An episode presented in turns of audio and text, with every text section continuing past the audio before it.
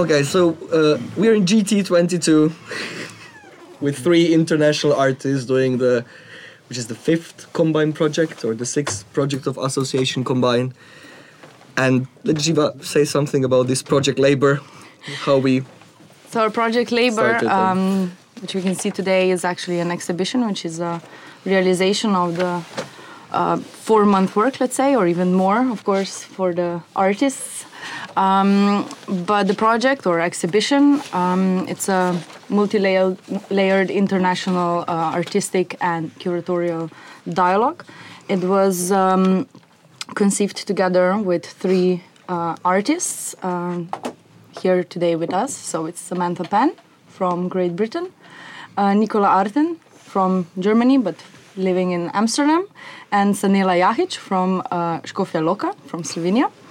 Um, so our cross-disciplinary dialogue, um, which this project was, um, is founded on um, basically four months of research work uh, and um, participating artists and curators uh, negotiate the relationship between um, historic evolutions and the contemporary um, conditions of manufacturing, automation, and distribution processes in a local and international uh, cultural formations in the local and international context.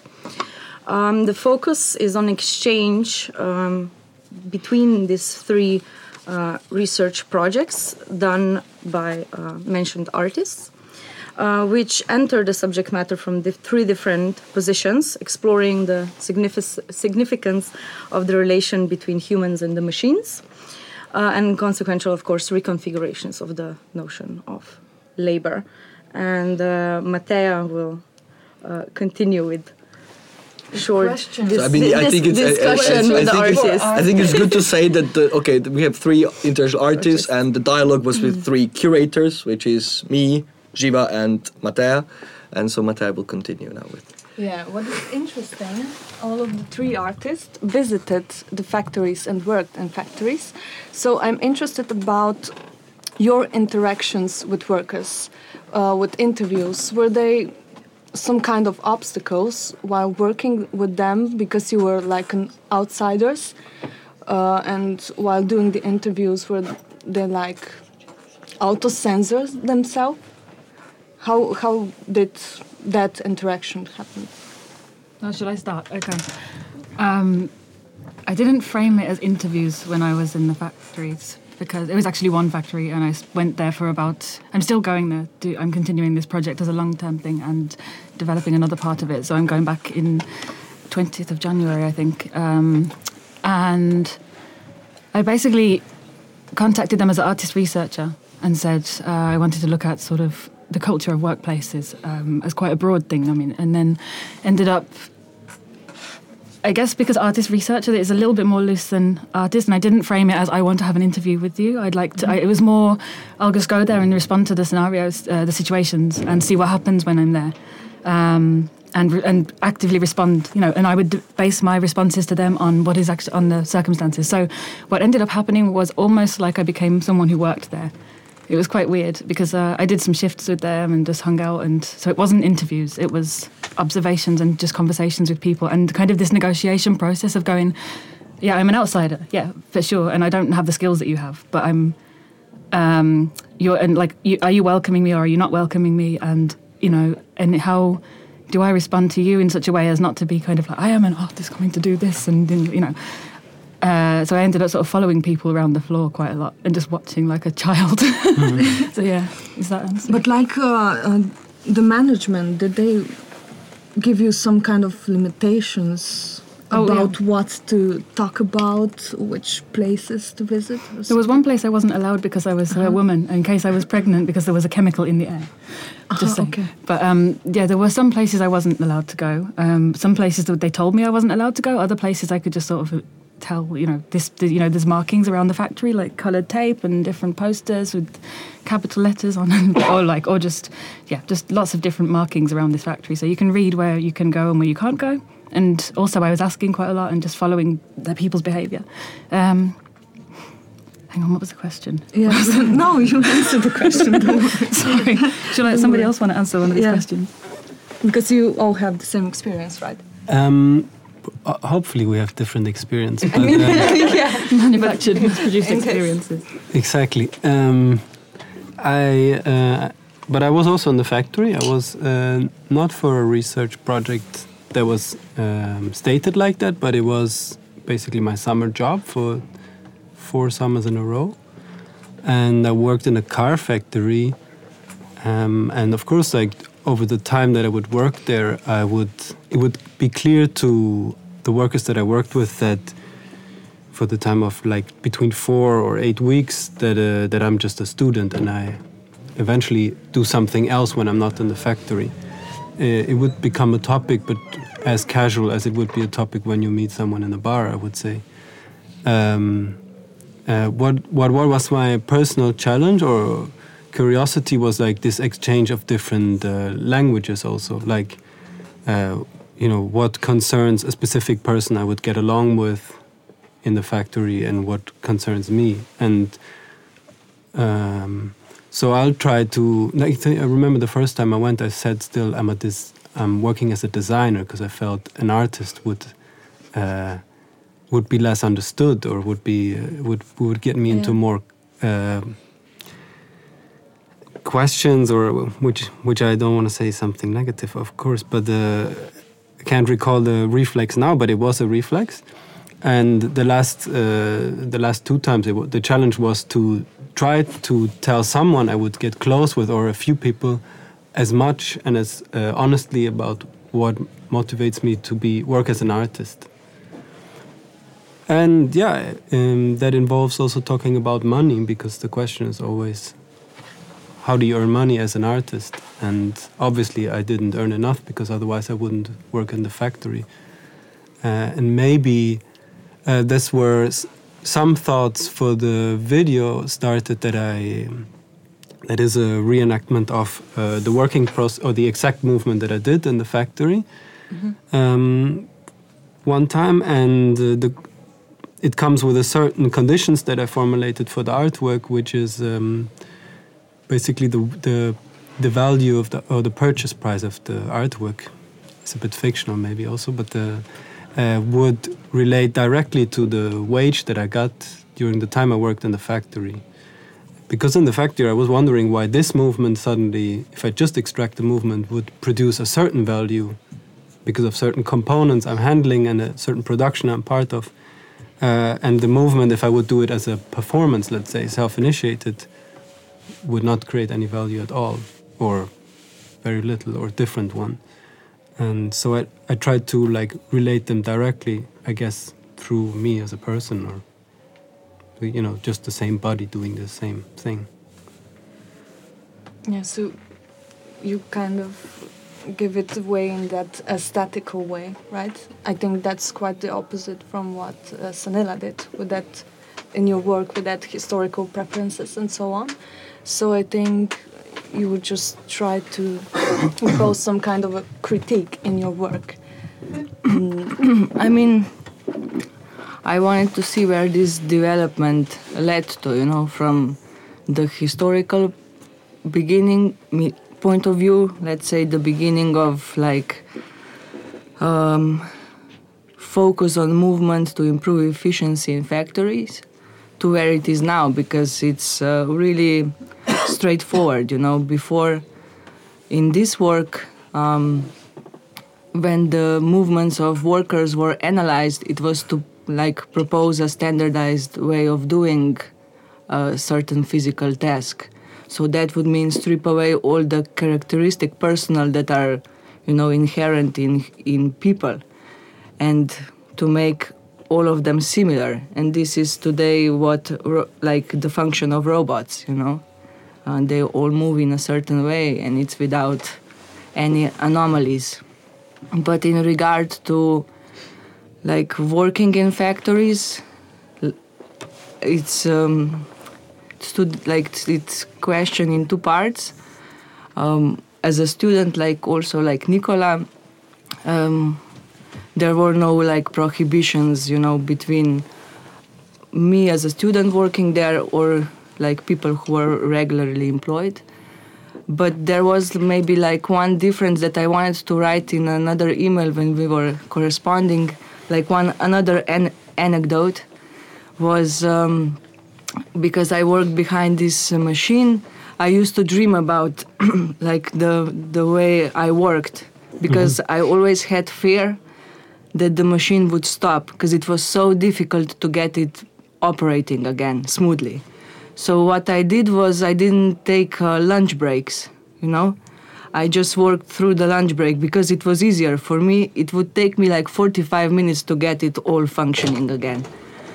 And then what as a result I produced more than people who were regularly employed there. Yeah. um, I think because we were, I, it was a textile industry, and we were like um, just making these kind of big rolls of material. I had more kilos than other people.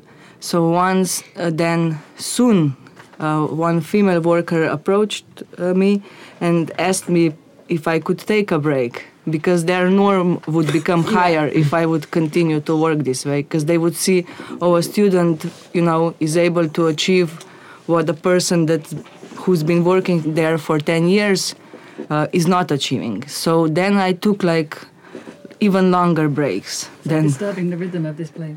yeah.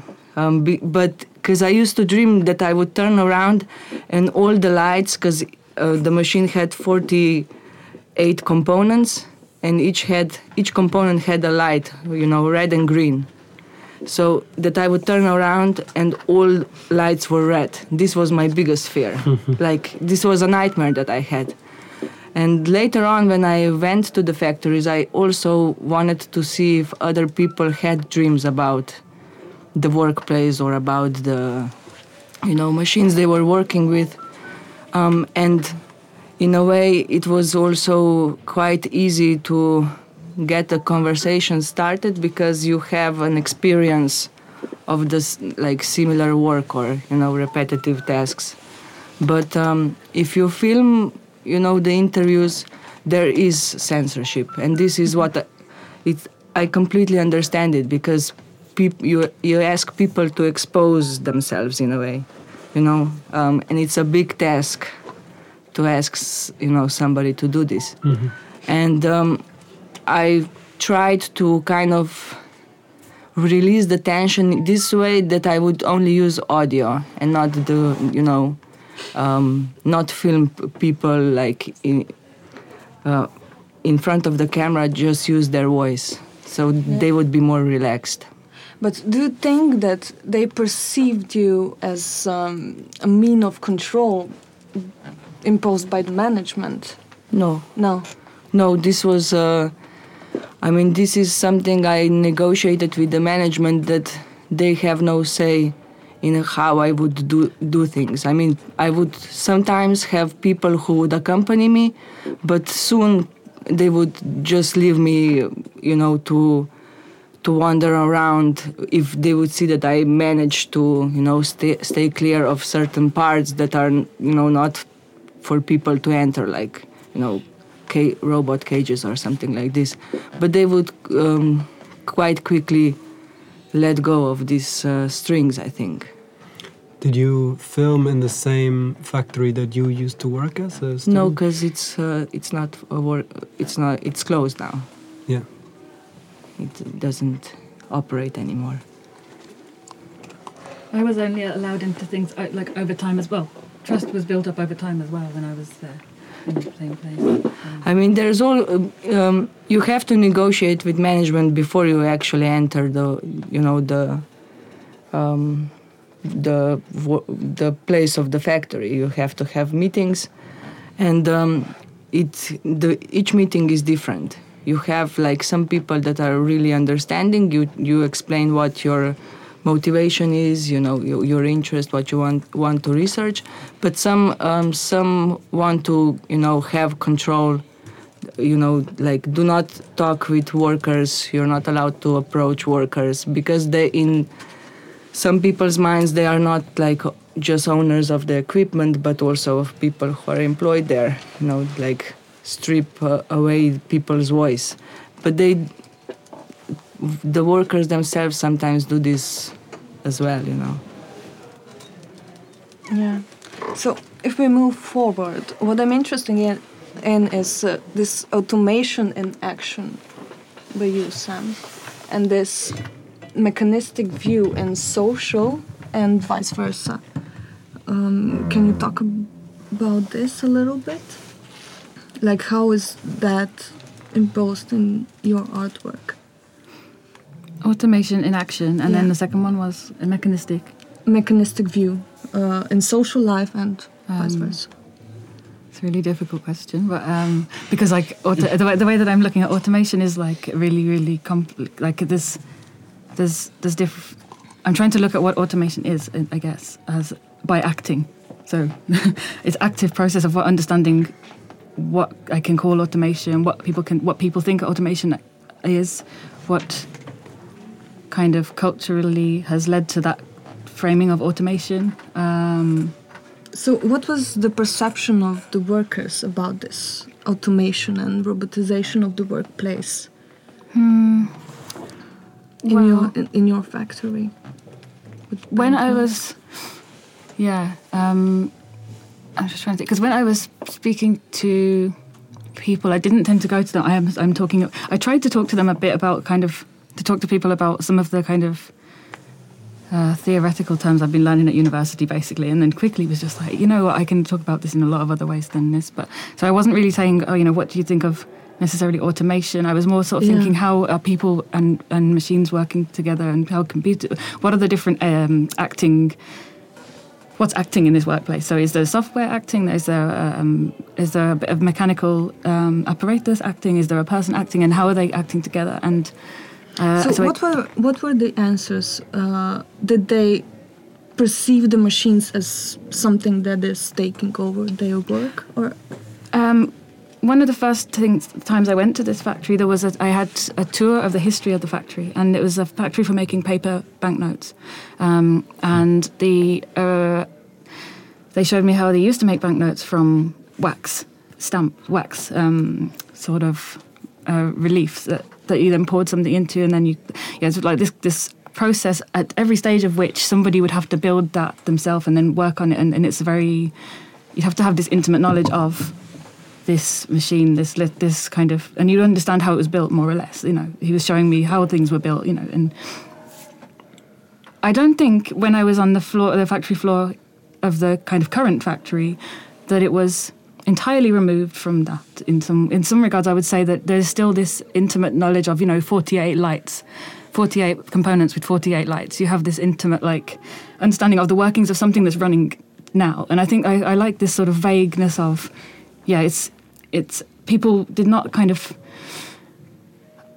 I mean, people were not acting, people's movements were not being taken over necessarily by machines. Some of them were, yeah, some of the processes had been exchanged, and it was very, very complicated picture. So, like, if you compared the old process of making banknotes with the new one, they don't line up because it's not as though the whole process has been sort of updated all at once, step by step, you know, five times. It's like this part of the you know, when you're fixing as part of a component, you're fixing one component, and then you fix another one two months later when that one breaks, and the whole, and like three or four years later, the whole machine is new, but all of the parts were changed at different times. So if you have a huge factory for making money and a huge process for making money, each of the stages have been changed at different times. So it is a new creature, as it were, um, but it's not. Yeah, um, what am I getting at? It's not like. Well, it's still it's just still a very complicated, very technical process. And people, when they were working, some you know, you would know one machine very very well. You would you would actually. The people in this factory had worked there for a very long time as a rule. Generally, they stayed there for a long time and they trained for, I think, 18 months was a t- a typical training time to use the things properly. Uh, because some of these, uh, you, you would be located in one room and that would be your sort of room that you would be working in for probably as long as you wanted to, or as long as it changed, or, you know, for whatever reason, somebody moved you out, or the machines were upgraded or whatever. Um, and that room would be in an enormous room with like a lot of different po- processes in, but you would be working with those same things day in day out, and you would have an intimate knowledge of them. That being said, there was a lot of time when it's a very complicated picture because if, despite these intimate points where the machines and the humans are working together, there were also these points where you could see that people had so much spare time and they were and that was part of this fabric of working in the factory, which I think you, uh, Sanela, was re- sort of touched on when she said, um, I've talked about this anecdote about being asked to sort of slow down with the work because it's, you know, there is a rhythm of the place, and if and that's also a, uh, I think that's also an important part of the process um, and a skill almost. You know, you learn to work in that context with that machine. Um, yeah. Yeah. It's a complicated answer. I don't know. Sorry. It is actually. So the It's going all over like the this. student that comes over summer uh, is, is like the prequel to the robot, you know. it, it's already speeding the process up a bit more and shows where it could go, Yeah. and then the robot is just uh, But then the student's The- doing the it in, being inefficient because the student is not following the, the rhythm of the workplace. yeah, it's exactly. not doing. It's not in a way, I mean, it's in, a one way. In a one way, you know, kind of in, in relation to the culture of that particular place, that particular, Yeah. so, like social, socially inefficient. I Yeah, don't know. yeah, that's an important remark because, uh, of course, it reverses somehow or it questions this uh, I- ideal of the the progression towards more speed, right? Yeah, I mean, it's, I think I just think it's it's an endlessly complicated picture. I mean, yes, there's increasing efficiency, but in one particular direction, based on I don't know, you know, in, in certain directions, is the you can see how the number of steps has been reduced. But in reducing that number of steps, you've then d- generated loads of new steps somewhere else. Yeah, Um, so it's really difficult to place. yeah, and one thought on automation. Uh, And automate. take, takes it a bit somewhere else maybe but uh, i had when i heard about the uh, automated vehicles like cars that would drive by themselves uh, with the promise of um, uh, giving you more time to work basically the time that you would go to work you could also work uh, which is the promise of many devices somehow and it to me it seems on the long term to neglect the fact that the automation of your device is going hand in hand with the automation of your work. So the more intelligent your device grows to, you know, or your car to keep you from uh, having to drive and being able to work. At the same time, the intelligence, the growing intelligence of these machines will eventually take be able to take over your work simply. And this is now what relates more to your work also, Sanela, with Tempo Tempo and your critique of the um, of the work process and the conditions and the, this capitalist environment. Yeah, but I think uh, this it's like in these um, kind of discussions about automation, there are always like these two lines, you know, like the negative one of Skynet, you know, like robots taking over and dominating humans, and then, but I think it's not, you know, and then there's this li- line of thought of like it could be a positive thing, you know, if the economic system would be different, you know. But I think it's n- not so black and white all the time because from one point of view you look at you know how many people did one robot replace but at the same time when you ask like people you know they're happy that they don't have to do like uh, hard physical labor you know but at the same time they're only sometimes you know putting all the components into pallets and that's it because it's not aut- aut- automated yet you know? Um, so i think it's uh, such a complex issue. I was thinking um, at times about you know the, the the speed of the production line.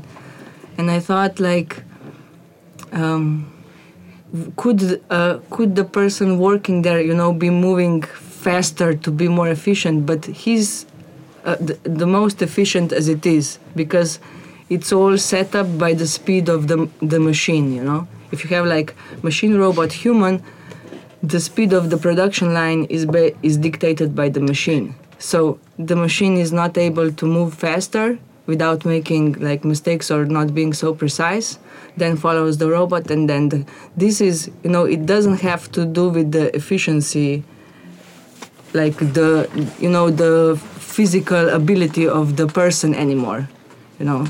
Um, so yeah just this is just something i was thinking like the other the other like time. Where is the starting point you know Can I interrupt here a little bit? You know, just a little because part of this project is also the publication which we published, which is because the project was four months of correspondence between us with a lot of conversations we had on the topic that we're discussing right now. And the publication will be published as part. It, it's available today at the opening, but will be available continuously in GT22 and online. And you can it's it's all of these combinations, all of these discussions and questions and narratives within automation, labor, factories, experiences, and um, new solutions or new questions are kind of joined together in this publication, which is kind of an accumulation of everything that we went through. And you just mentioned about where is the starting point, though, and, and how that at some point the logics of the machine, which which overcomes or kind of take over the whole process of, of living or the process of, of environment within the factory. So it's where is now the human in this relation? I mean, it's like how does it the machine fall back, or how does machine changes the culture? How does machine falls into the culture, and then how the culture then falls back into the machine? I think this is something this tension within the machinic and humanist relationship between is something that we are facing with full automation, which, for example, on uh, the new left, which is coming and rising, especially in the West, is this idea that the accelerationism should happen in full automation of labor. You know, so we will all have certain free wages. You know, just you know basic income, and everything will be done by the machines. You know, but that entails that machines will basically control absolutely everything. You know, do we want that? I mean, do we? I think it's uh, not. Uh, I mean, I'm. I don't th- uh, necessarily agree with this idea that Mm-hmm. Yeah. machines will control everything. Every, yeah. Somebody Yeah, neither, controls so. the machine. Somebody programs the machine. Exactly, So even with this, the kind of discourse about auto- Mm. automation, you have like.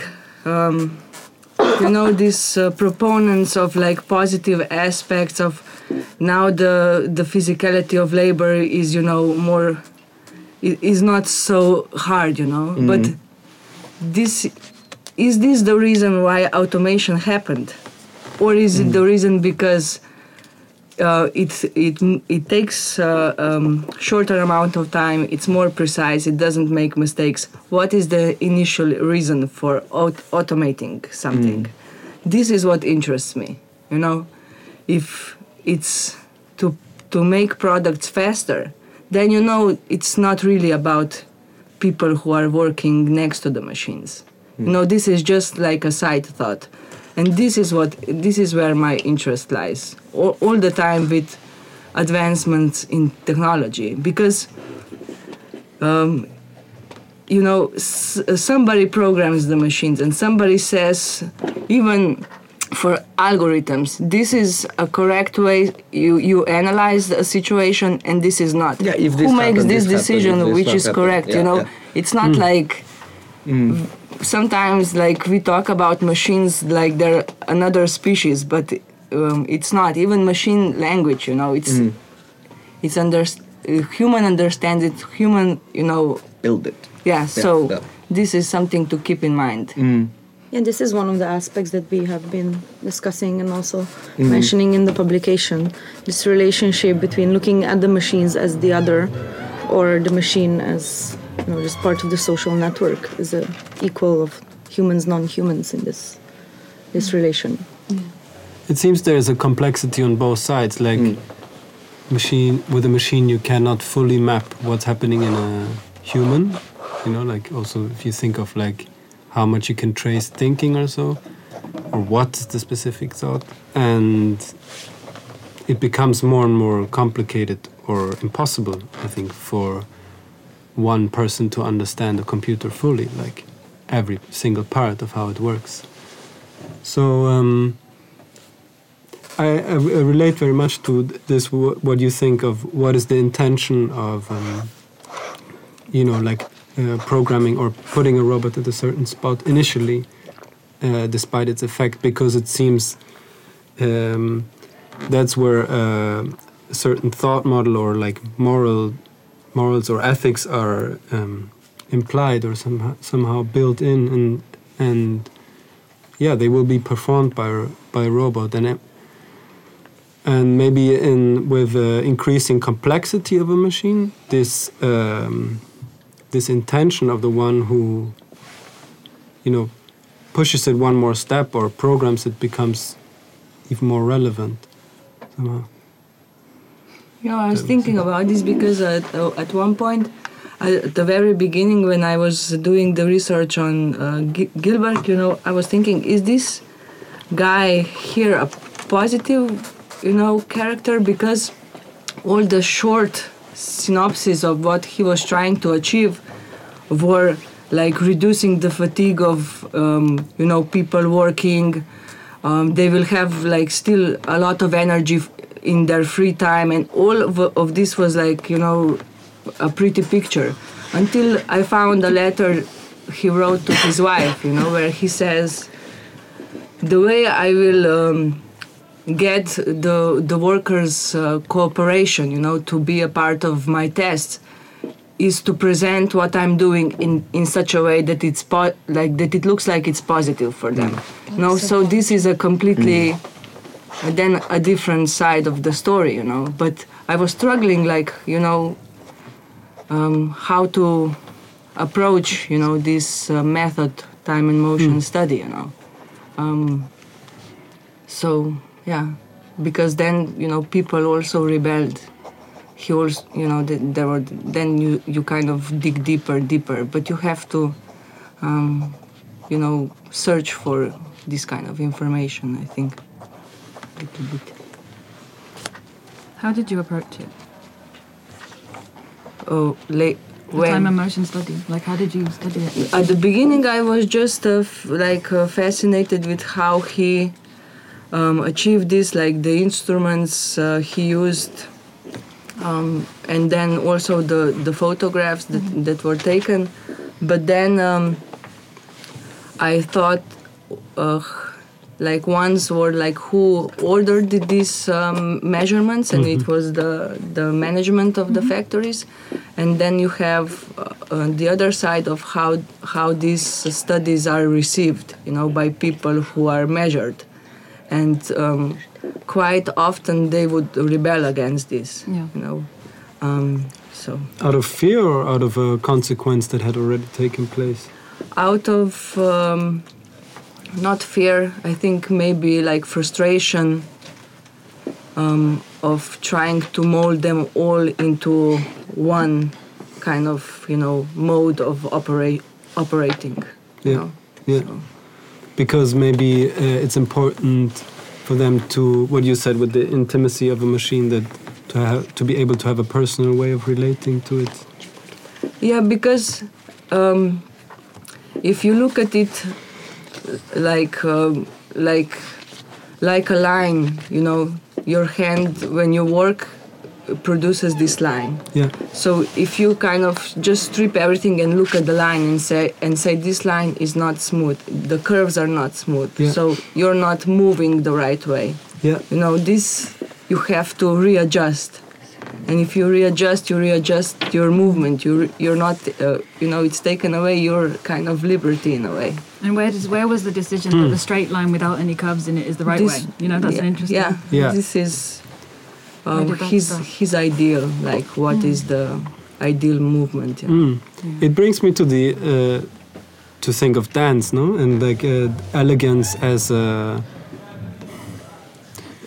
like also the questions of uh, yeah elegance is it achieved in a way that is natural to a body's uh, movement or and how much does it have to be disciplined in order to achieve a certain because you know like uh, efficient curves in movement apparently relate very much to the elegance of a movement or the perception of the elegance of a movement. Because like the smooth line without like sudden interruptions yeah shows also the ter- determination and you know kind of um, the confidence a person has in what they're doing. You know not like stopping and rethinking you just have the the routine you know? It- Commitment to the routine. yeah so. Yeah, in a in a way. Yeah, wow, interesting. Uh, i mean that's not that's his his um, comment not mine gilbert's comment not mine Do you think that if you repeat an action often enough, then you become you you uh, a person repeats an action often enough, they become in some way? Could you call that automation? Uh, in so, like or like a person becoming part of the automation process by carrying out this action a lot of times. It's a question, isn't it? so can you repeat? it? Yeah, I think I was thinking about Maybe automation in everyday life, though. I mean, how Yeah, I was thinking about this programmer writing the, the program, uh, and they've learned a lot of different processes by heart and committed to them and done them and done them in the right way, and then reached the stage where they can move on to writing the program, and then reach the stage where they.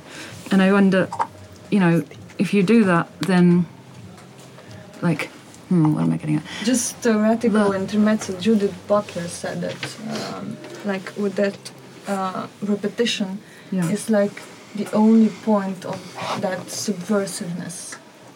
Because while repeating stuff, you just start to considering them in a different way, Yeah.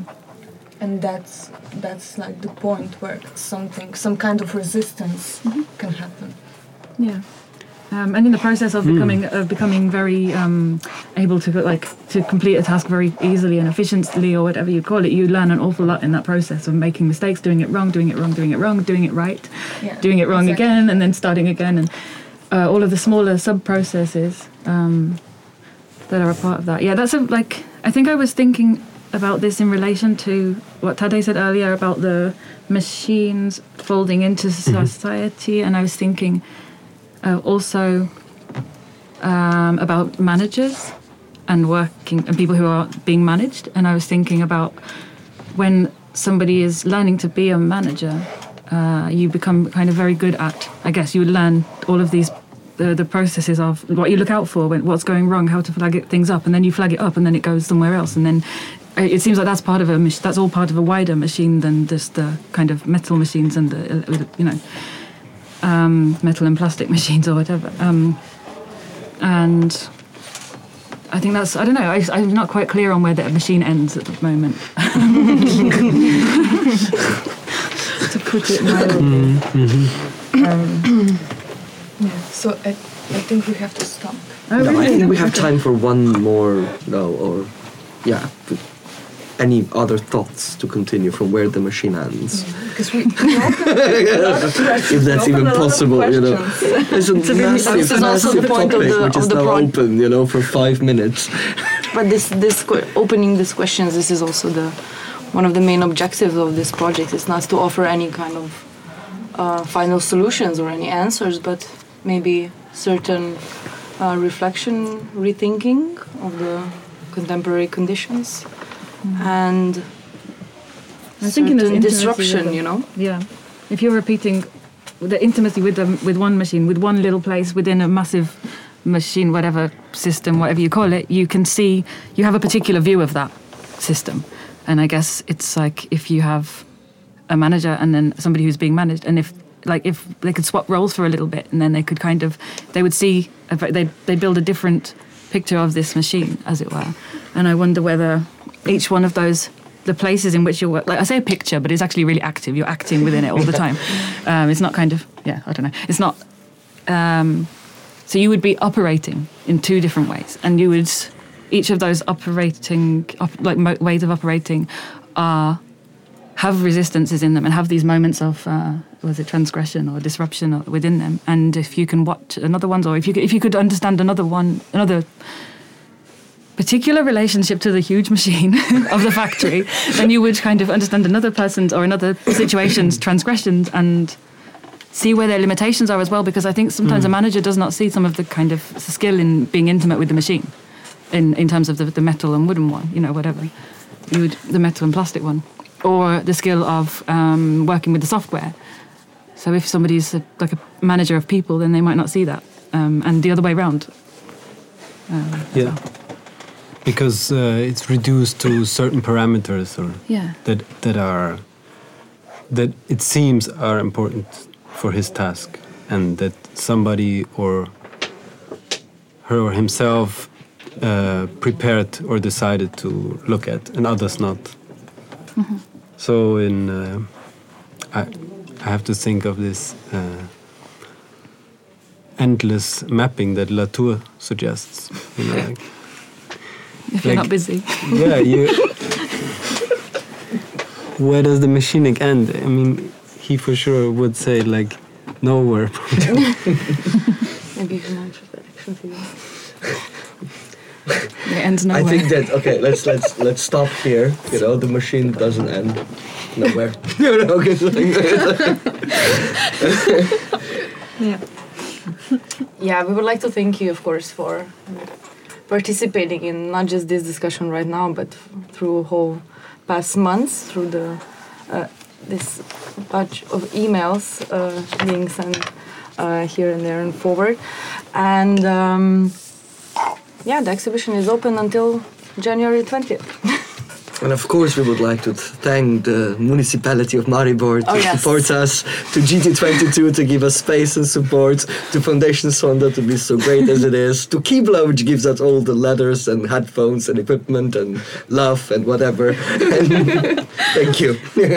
yeah, thank you. thank you. Thank you.